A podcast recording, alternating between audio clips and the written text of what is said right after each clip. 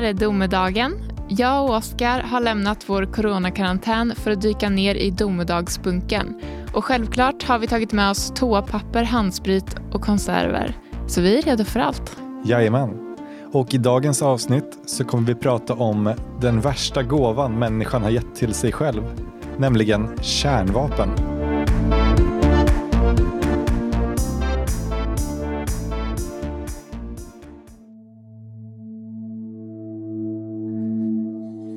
I januari kallade organisationen Bulletin of Atomic Scientists till en presskonferens. Anledningen till presskonferensen var att visa upp domedagsklockan.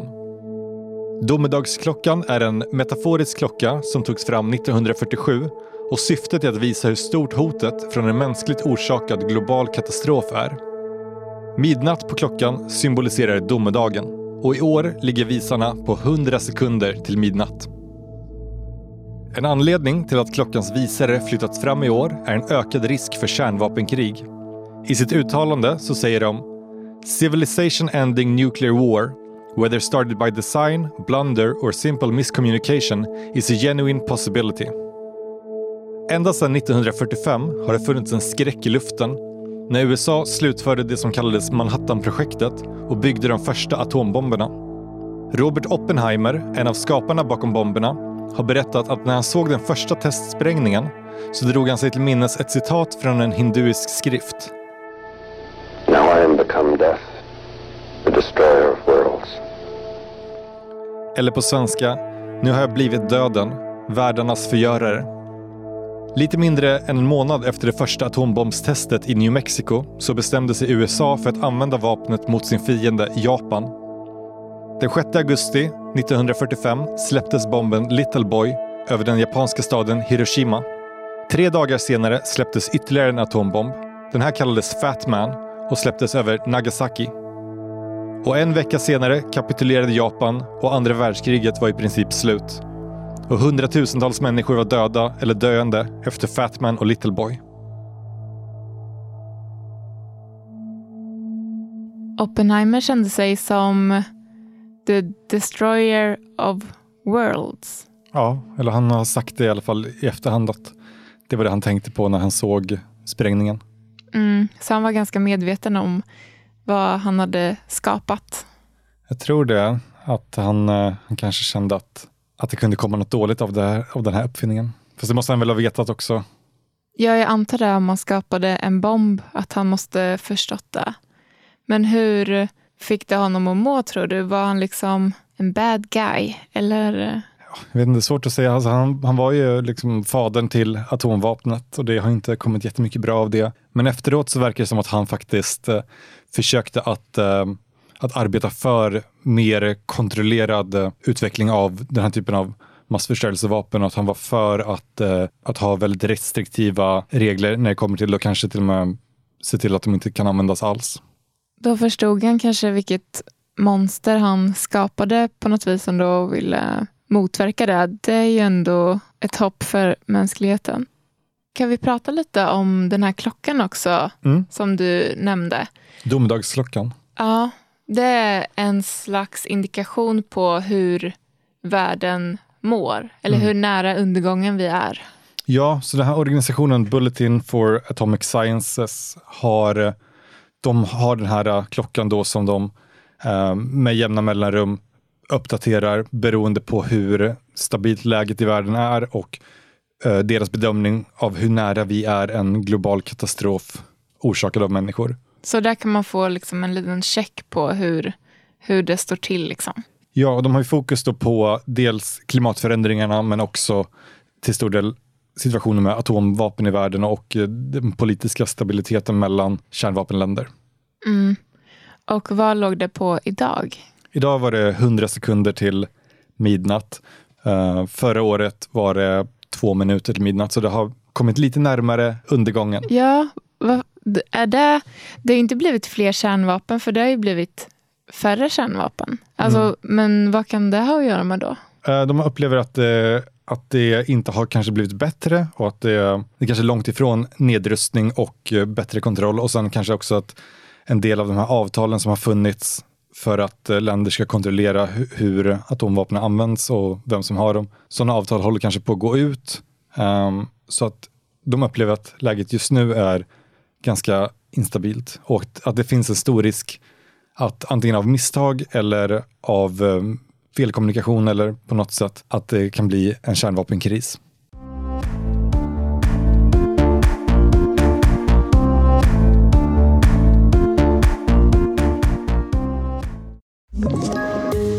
Ett poddtips från Podplay. I podden Något Kaiko garanterar östgötarna Brutti och jag, Davva, dig en stor dos skratt. Där följer jag pladask för köttätandet igen. Man är lite som en jävla vampyr. Man har fått lite blodsmak och då måste man ha mer. Udda spaningar, fängslande anekdoter och en och annan arg rant. Jag måste ha mitt kaffe på morgonen för annars är jag ingen trevlig människa. Då är du ingen trevlig människa, punkt. Något Kaiko, hör du på Podplay. Därför är gardinerna.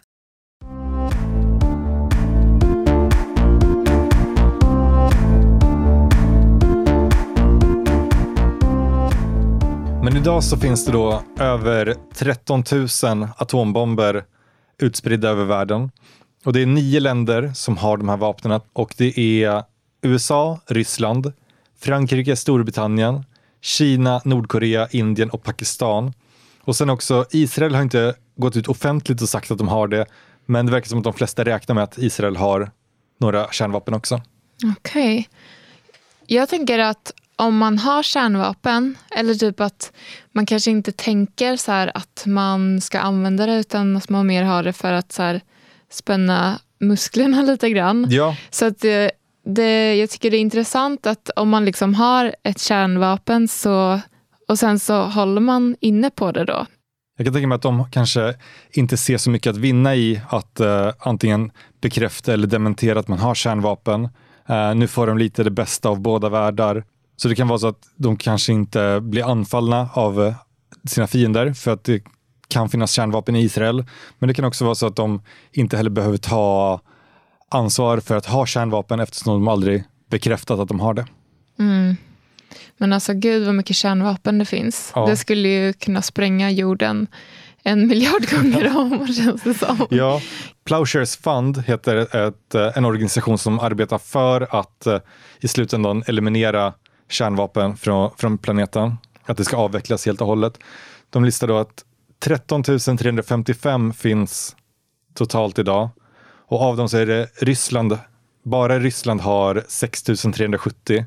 USA har 5 800. Oj, varför? Alltså, visst om det är så här utspritt, typ varje land har två stycken eller, Ja. eller fem. Jag vet inte, men vad ska man göra med 5000 liksom, kärnvapen? Det är väldigt mycket. Väldigt mycket. Alltså, och det här är, det är också inte- det här är betydligt mindre än vad man hade under eh, typ kalla kriget. Så man, man har rustat ner och avvecklat en del kärnvapen också, men det är fortfarande så här mycket. Det är helt galet mycket.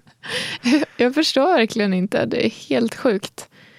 Men då, det kanske var under kalla kriget att det bara liksom blir där att man tävlar om vem har mest och så tillverkar man mer, eller man tänker kanske inte på, alltså, okej, vi bör, vad ska vi ens, vi har inte användning för liksom Nej, alla de här. Men det är precis det här som jag kommer in på i nästa del. Då kommer vi prata om kalla kriget och upprustningen där. Så om du känner dig redo så går vi vidare. Ja, men gärna. It's a bomb. Duck and cover. Sundays, holidays, vacation time. We must be ready every day, all the time, to do the right thing if the atomic bomb explodes. Duck and cover. That's the first thing to do. Duck and cover. First, Efter andra världskriget följde det kalla kriget. En flera decennier lång konflikt mellan USA, Sovjetunionen och deras allierade. Det blev aldrig ett storskaligt krig, men båda sidor förberedde sig för det. En intensiv kapprustning av ländernas kärnvapenarsenaler pågick under många år. Båda sidor tävlade om att ha flest och bäst kärnvapen för att kunna motverka att den andra sidan skulle anfalla och för att kunna försvara sig och utplåna sina fiender om det kalla kriget skulle hetta till. I oktober 1962 var det nära att kärnvapenkrig mellan stormakterna blev verklighet. Efter ett misslyckat försök av USA att störta Kubas president Fidel Castro hade Castro bett om hjälp från Sovjet för att kunna skydda sig från en amerikansk invasion. Sovjetunionen och Kuba kom överens om att placera kärnvapenmissiler på Kuba för att avskräcka amerikanerna från att försöka sig på fler angrepp. Och som svar på detta upprättade USA en blockad runt Kuba för att förhindra att missiler kom in på ön. Och de krävde att Kubas missilbaser skulle monteras ner. Sovjet såg blockaden som en krigshandling och vägrade att gå med på kraven. Och mitt under det här, som idag kallas Kubakrisen, hände något som var nära på att starta igång ett kärnvapenkrig mellan de två stormakterna. Under blockaden av Kuba så befann sig en sovjetisk ubåt laddad med en kärnvapentorped långt under vattenytan. Och utan att veta vilket vapen den här ubåten bar på så bestämde sig amerikanska flottan för att släppa sprängladdningar mot ubåten för att tvinga bort den. Inuti ubåten hade besättningen ingen aning om sprängningarna bara var en varning eller ett tecken på att kriget hade börjat. Och på det djupet så hade de ingen möjlighet att kommunicera med skeppen på ytan. Två av ubåtens tre kaptener ville avfyra kärnvapentorpeden som motattack. Men för att kunna göra det så skulle beslutet behöva tas enhälligt av alla tre kaptener. Den tredje kaptenen, Vasilij Arkipov, gick inte med på att avfyra torpeden och i och med det så kan han ha avstyrt kärnvapenkrig mellan USA och Sovjetunionen. Till slut så lyckades John F Kennedy och Nikita Khrushchev på diplomatisk väg avsluta Kubakrisen. Sovjet skulle dra tillbaka sina missiler från Kuba och USA lovade att dra tillbaka sina missiler från Turkiet och att inte invadera Kuba. Vilken tur att Vasilij Arkipov var en så klok person i den här... äh, Alltså, det måste varit en väldigt stressig situation liksom där i ubåten. Verkligen. Alltså, tänk Om det bara smäller instängt, bomber. det smäller, eh, får ingen, ingen kommunikation med... Nej, precis, de kan inte fråga liksom, vad är det som händer. Nej. För såklart man tror att kriget har börjat då, Ja. om de är där. Liksom. Alltså verkligen, Men han höll sig lugn, vilket Mm. vi får vara väldigt tacksamma för. precis. Annars hade det kanske dragit igång ett kärnvapenkrig då. Ja, och jag kände inte till den här situationen. In, alltså jag kände till Kubakrisen och, och eh, spänningen mellan USA och Sovjet, men just det här med Vasilij och ubåten och sånt, det var nytt för mig och väldigt spännande. Ja, för det känns som ett så väldigt avgörande ögonblick. Ja, Som, Det kunde gått så fel. ja, och det känns som att det borde finnas typ en film om det här.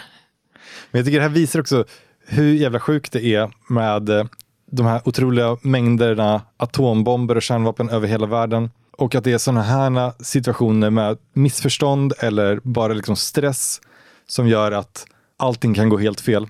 Mm, verkligen. Alltså om det är fel person som sitter vid de där knapparna. Okej, nu säger jag knapp, men det är bara för typ, i alla filmer så känns det som att det är typ en maktperson som har en röd knapp Ja. som de ska trycka på för att avfyra liksom, kärnvapen. Typ. Mm. Så är det väl förhoppningsvis kanske inte. Utan det är väl lite svårare än så kanske. Eh, men, Några fler steg. Ja, man hoppas det i alla fall.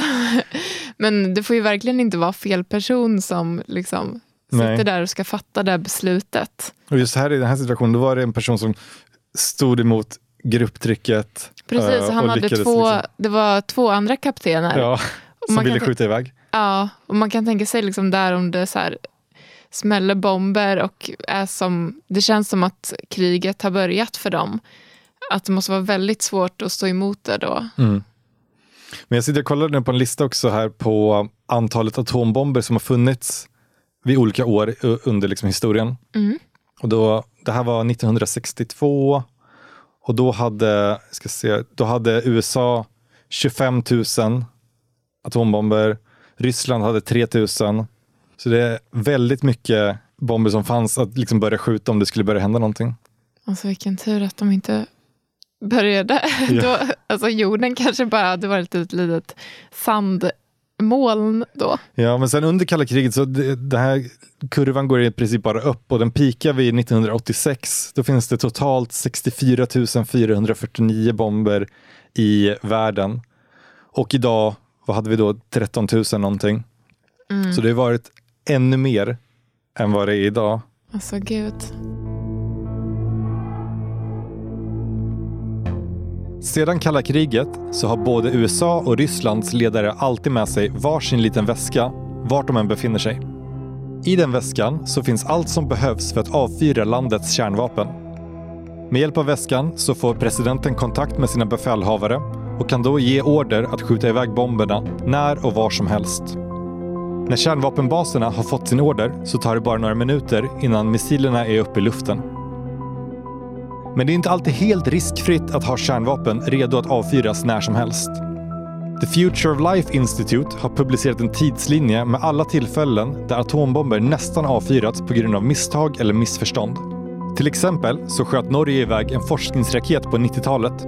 Men när den syntes på Rysslands radar så trodde man att det kunde vara en amerikansk kärnvapenmissil och Rysslands president gjorde sig redo för att beordra en motattack. Som tur är så räknade man ut att det var ett falskt alarm innan orden gavs. Och 2007 så råkade man på en amerikansk militärbas av misstag laddat bombplan med sex kärnvapenmissiler. Planet flög sedan till en annan flygbas och lämnades obevakad. Det tog 36 timmar innan någon märkte att de här sex bomberna saknades. Om alla länder som har tillgång till kärnvapen lyckas hålla sig lugna och låter bli att använda dem så finns det ändå en risk att terrorister skulle kunna utveckla, stjäla eller köpa massförstörelsevapen. Både al-Qaida och Om Shinrikyo, som vi har pratat om i ett tidigare avsnitt, har försökt att tillverka eller köpa kärnvapen på svarta marknaden. Men risken är inte särskilt stor att terrorister ska kunna få tag på kärnvapen, men den är ändå viktig att tänka på. För ju fler vapen som finns och ju fler länder som har tillgång till den, desto större är risken att någon av de här bomberna hamnar i fel händer.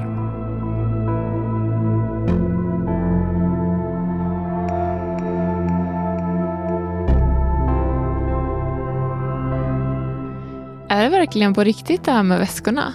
Det låter som ett skämt. Nej, det är på riktigt. Den amerikanska varianten kallas The Nuclear Football och i den så finns det antagligen någon slags kommunikationsutrustning. Det finns de hemliga atomvapenkoderna för att bekräfta att det är presidenten som ger order. Mm. Och det är alltid, vart presidenten än går så är det en man som är i närheten med den här lilla väskan i handen. Det är helt galet.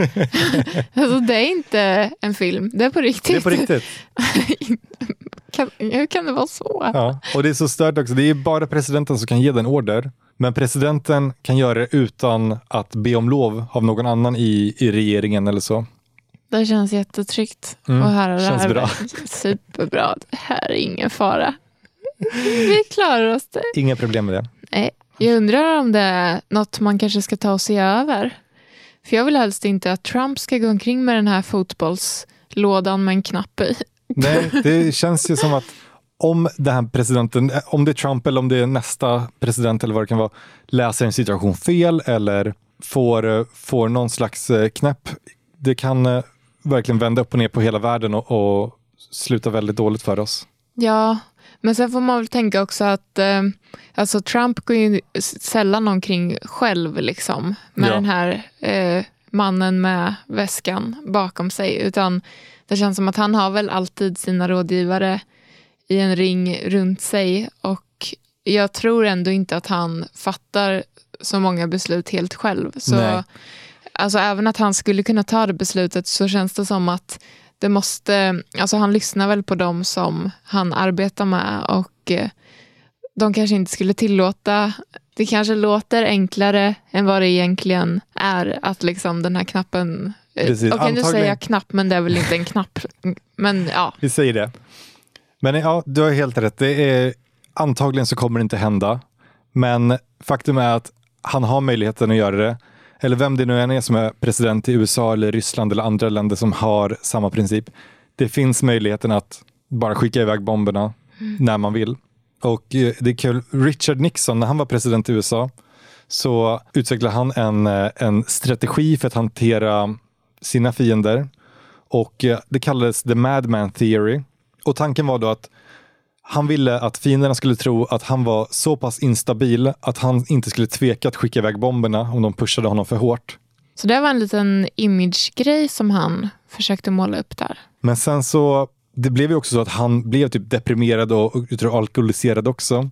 Och det kanske inte är liksom den personen som man vill ska ha bomben. Nej, nu, Definitivt nu tror jag just i hans fall så var det någon, någon nära rådgivare eller sånt som hade sagt att om, om presidenten ger order, kolla med mig först. så, det var ju någon som tog lite ansvar i alla fall. Ja, det var jätteskönt att höra. Verkligen. Ja, men det är ju alltså, väldigt viktigt att tänka på. Vem är det som har den här makten? Vad är den personen kapabel till? Vad händer om den här personen får liksom någon eh, depression eller någonting och tänker att ah, men vi, vi bara avslutar skiten. Mm. Och sen finns det andra länder. Nu har ju USA och Ryssland lång erfarenhet med att ligga i intensiv konflikt med kärnvapenknappen nära. Men om det är andra länder som kanske börjar utveckla kärnvapen eller har kärnvapen men inte har samma liksom säkerhet eller kontrollkedja. Det är kanske ännu mer riskfyllt.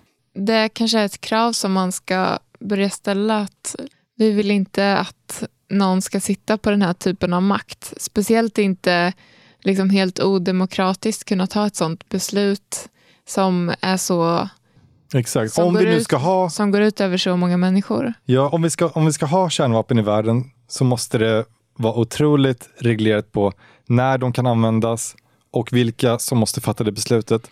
Men ärligt talat, varför ska vi ens ha det? Jag liksom? tycker inte att vi ska ha det. Nej, Jag vill att de ska jag bort. Varenda, varenda atombomb ska bort.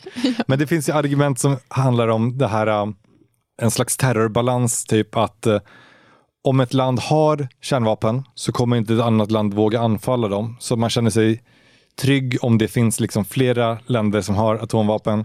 För då kommer ingen använda dem för att man kommer förstöra varandra. Precis, för då vill man inte starta igång den här dominoeffekten. Liksom. Precis. Men jag tycker personligen att det är ett dåligt argument att ha vapen som kan ödelägga hela jorden bara för att skydda sig mot andra som Det har är det. skitdåligt argument, men hur ska man liksom få den, den första att ehm, förstöra sina vapen? För det, det är väl ingen som vill vara den första då, Nej. antar jag? Då är man den, den enda som har, har förlorat det skyddet Precis. och gjort sig sårbar.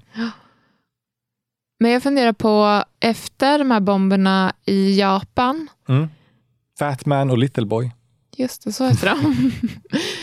har det sprängts, eller har, det liksom, har kärnvapen använts efter det? Det har aldrig använts i krig efteråt, men det har gjorts eh, kärnvapentester i flera olika länder. Men det är enda gången som de användes under en väpnad konflikt. Fatman och Little Boy, som detonerades i Nagasaki och Hiroshima, var relativt små jämfört med dagens bomber. Idag har de flesta bomberna betydligt större sprängkraft. Så vad skulle egentligen hända om ett kärnvapenkrig utbryter? Först och främst så skulle allt och alla som träffas av explosionen att utplånas. Explosionen bränner upp allt som befinner sig i närheten. Och den avger också ett ljus som är så starkt och varmt att det sätter eld på allt som nås av ljuset. Men konsekvenserna kan också sträcka sig långt ifrån platsen där bomben detoneras. En av effekterna av en kärnvapenexplosion är att dödlig strålning frigörs. Om du befinner dig i närheten men utanför själva explosionen så kommer strålningen att döda dig. Och om man befinner sig ännu längre ifrån och kanske inte träffas direkt av en stark dos strålning så finns det ändå risker att man berörs av så mycket strålning att man kommer få cancer och dö längre fram i tiden. Och sen finns det också globala risker. Om ett storskaligt kärnvapenkrig skulle bryta ut och många städer bombas så kan det orsaka något som kallas atomvinter. Och vad det betyder är att enorma mängder rök från brinnande städer stiger upp och blockerar solens ljus. Och utan solljus så kyls jorden ner och vi får långa vintrar som gör det svårt eller omöjligt att bedriva jordbruk på en nivå som kan ge mat till världens befolkning. Om den här atomvintern blir tillräckligt kall eller tillräckligt lång så kan det också leda till att vissa delar av världen blir så kalla att människorna där fryser ihjäl. Hur ser det ut i Hiroshima och Nagasaki nu egentligen? Är det, har de återhämtat sig? Mm. Idag så är de helt återställda eh, och är levande, friska städer. Men finns det typ så här radioaktivitet och så? Kan det ligga kvar? När det kommer till Hiroshima och Nagasaki och de bomberna som sprängdes där, då var det så att man sprängde bomberna uppe i luften, ungefär en halv kilometer upp i luften. Och då försvann mycket av strålningen. Det var kanske inte tänkt att det, eller den skulle kanske sprängts i marken men den hann typ detonera i luften. Så det liksom. kan vara också att de valde att spränga den ovanför marken för att få en större, en större yta som den når. Mm. I alla fall. Så, så eftersom den inte träffade marken så försvann mycket av strålningen. Och, men jag tänker att om den detoneras i marken, att mer av strålningen kanske går ner i jorden och ligger kvar där längre. Just det. Men idag så har Hiroshima försökt att eh, branda sig som fredens stad och eh, varje gång ett land gör en provsprängning av kärnvapen så skickar stadens borgmästare ett brev till, till det landet och eh, ber dem att, eh, att inse vad, vad det är de håller på att göra. Som typ, om vi tänker att Sverige skulle, inte för att vi har kärnvapen, men om vi skulle ha det och så testar vi att provspränga, då skulle vi få ett brev ifrån Hiroshimas borgmästare där han ber oss att liksom tänka om och Ja, sluta med kärnvapen. Eller kanske skulle statsministern få det, inte vi. Men, Nej, precis. ja, det är klart. ja. Ja, vilket eh, var fint ändå. Eller liksom, de vet hur hemskt och fruktansvärt det är att liksom råka ut för det här. Mm. Och så vill de informera andra om det. Precis, de som har upplevt det vill att andra ska slippa det. Mm. Men typ, alltså när en atombomb sprängs, vad händer då egentligen? Mm. Jag hittade här på, det finns en kampanj som heter ICAN som är International Campaign for Abolishing Nuclear Weapons. Um, eller ja, en internationell kampanj för att förbjuda kärnvapen. Och de har ett informationsblad här där de visar effekterna av en 100 kilotons atombomb. Och här står det då att inom en 3 kilometers radie så är det ett radioaktivt eldklot som är varmare än solen som eh, bränner upp allting inom den radien. Och inom en 5 kilometers radie så kommer de flesta människorna dö av antingen sprängskadorna eller att eh, den här tryckvågen förstör deras inre organ, deras lungor eller ja, förstör dem på insidan. Det kan också vara radioaktivitet eller strålningen som, som dödar den. Då. Och då kan det vara lite mer långsiktigt. Ja, eller, men också att det blir så kraftig dos att man dör ganska snabbt av den typen av strålning. Ja, för visst är det så att man kan liksom få, även om man kanske inte får bli påverkad på en gång så kan man senare få typ cancer och Mm, sådär. Precis, Och de, typ, om man är med barn så kan barnen drabbas Ja. eller liksom senare generationer. Exakt. Så de skriver att inom en 10 km radie från detonationsplatsen, där så, så förutom att man dör av, av olika skador eller brännskador och så, så är det många som också kan få sjukdomar av strålningar. Och om man är då till exempel gravid eller så, att det också påverkar fostret. Strålningsspridningen kan, kan gå ända upp till 80 kilometer bort och under en längre tid ge cancer eller andra typer av skador som kan döda en på längre sikt. Det är så hemskt att det är liksom så många civila som drabbas. De bara råkar vara på fel plats vid fel tillfälle. När en bomb sprängs så måste det också vara svårt liksom att rädda alla de som är skadade för att alla blir ju skadade och typ räddningspersonal och sådär. Om det ens finns någon, hur ska de kunna komma fram i alla ruiner och Ja, precis, allting brinner, det är, vägarna är sönderblåsta. Och det är ju i princip omöjligt att, eh, att garantera att inte civila liv skadas av atombomber. Och sen som sagt så effekten av en atombomb sprider, kan ju sprida sig långt ifrån just platsen där det sprängs. Om det blir, om det blir tillräckligt många atombomber som sprängs i ett eh, kärnvapenkrig. Så säg till exempel om Indien och Pakistan skulle gå i krig med varandra och börja skjuta ut sina kärnvapen. De är relativt små kärnvapennationer jämfört med typ USA och Ryssland. Men ändå, om de skulle bomba flera städer som börjar brinna då, att det kan bli det här atomvinterscenariot att eh, det blir en lång vinter och att vi inte kommer kunna vi kommer inte kunna odla mat, vi kommer kanske inte kunna, när solen blir täckt av moln. Typ. ja, av all, all rök från de brinnande städerna. Ja, och då så kan inget växa och eh, det blir jättekallt. Ja. Så då har vi eh, svält och sen har vi kanske också enorma flyktingströmmar från de här eh, krigsdrabbade städerna och länderna. Och då har du ju, alltså det finns ju flera, flera olika effekter som kommer, förutom just att bomberna spränger liksom de människorna som är i närheten. Mm, precis, så att det drabbar på så många fler sätt än bara just en sprängning av en bomb och de som eh, är i precis det området. Ja. Och säg att USA eller Ryssland skulle liksom börja skjuta ut alla sina liksom tusentals vapen, då skulle man Ja, se de här effekterna liksom i extremt. hela jordklotet i en sån vinter.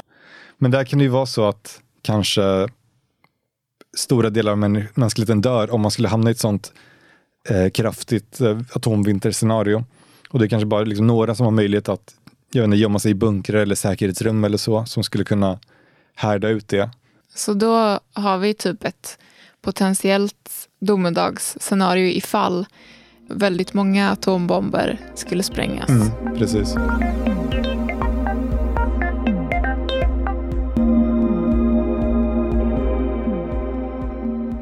Men jag tänker att borde det inte vara förbjudet att ha den här typen av vapen? Det känns så oetiskt att möjligheten finns att spränga en atombomb. Mm, det borde vara det och till viss del så är det det, men också inte.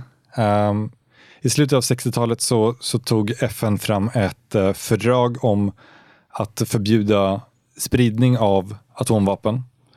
Uh, så då var det bara de länder som hade atomvapen vid den tiden som skulle ha det, men de fick inte liksom sprida det eller hjälpa till eller uppmuntra andra att skaffa det. Men ändå så, ända sedan det fördraget så har Indien, Pakistan och antagligen Israel skaffat sig kärnvapen. Så det verkar inte hjälpa helt och hållet. Nej, det finns en tanke där, men det är inte riktigt någon som hakar på. Nej, och sen... 2000... Av de i alla fall som borde göra det kan jag tänka mig. Mm. Alltså de som har vapen. Och 2017 så tog man i FN fram ett nytt fördrag om att faktiskt förbjuda användandet, ägandet och eh, byggandet av kärnvapen. Men det har inte tillräckligt mycket stöd än för att faktiskt gälla och eh, de här kärnvapennationerna har inte skrivit på det. Okej, okay, så då finns det en, en plan och en tanke. Det är bara att eh, alla måste gå med på det Precis, också, för annars hjälper det ju inte. Nej, så det är bra att man liksom har en, ett fördrag som väntar på att bli eh, att bli godtaget. Men Frågan är bara om det blir godtaget. Ja, om det är så att de länder som faktiskt har kärnvapen vägrar vara med i leken, då är det kanske ingen idé. Och det är också några, alltså det är USA, Ryssland, Kina, några av världens mäktigaste länder. Mm, liksom, om, om de bara säger nej, vad ska man göra det? Det är svårt att påverka dem och så sätta press på dem. Ja. För att de är så starka i sig själva. Liksom. Ja, för det är så, de eh, kan ju lite också sätta spelreglerna själva. Om de, inte, om de inte vill så vill de inte. Men ja, förhoppningsvis så kan man ju kanske med tillräckligt mycket press från alla andra länder ändra opinionen och förhoppningsvis så snart som möjligt se till att de här länderna går med på att det är förbjudet att ha kärnvapen. Man har ju gjort det med andra typer av vapen, typ kemisk krigsföring och sånt är ju förbjudet. Mm. Och det verkar folk vara överens om. Så då finns det ändå hopp? Vi får hoppas det. Det finns hopp.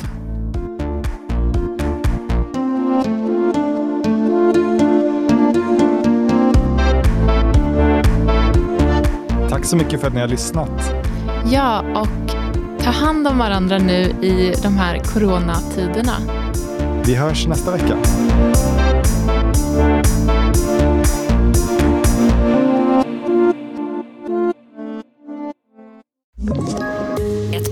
Poddtips från Podplay. I podden Något Kaiko garanterar östgötarna Brutti och jag, Davva, dig en stor dos skratt. Där följer jag pladask för köttätandet igen. Man är lite som en jävla vampyr. Man har fått lite blodsmak och då måste man ha mer. Udda spaningar, fängslande anekdoter och en och annan arg rant. Jag måste ha mitt kaffe på morgonen för annars är jag ingen trevlig människa. Då är du ingen trevlig människa, punkt. Något kajko, hör du på podplay. Därför är gardinerna.